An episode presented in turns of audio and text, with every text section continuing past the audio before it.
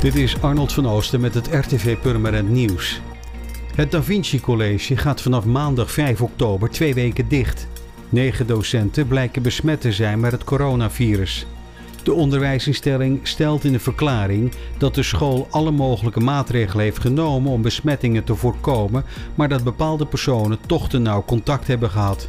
Hoewel de school 1400 leerlingen en 150 personeelsleden telt en het aantal besmettingen daarmee in verhouding niet opvallend hoog is, groeide de onrust onder docenten, leerlingen en ouders over de vastgestelde coronabesmettingen op de school.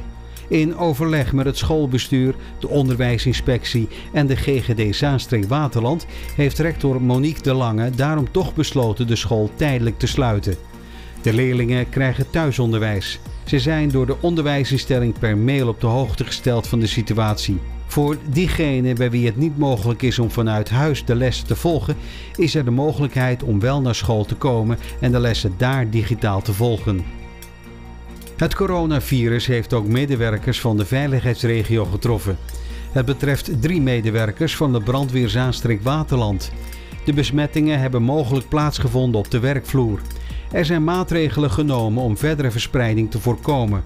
De betreffende medewerkers en directe collega's zijn in thuisquarantaine gegaan.